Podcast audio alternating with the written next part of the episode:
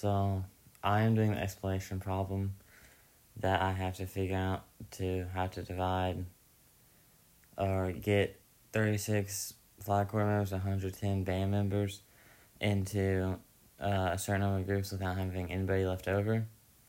So the first thing I did was I uh, divided both numbers by uh, all the numbers up to 18 because 18, uh, 36 can't be divided anymore past that because that's its half. So I the what I found was that they both can only be divided up to two by the same number.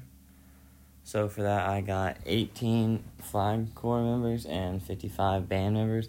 So I'd have two groups with each group containing 18 flag corps members and 55 band members. And that is all.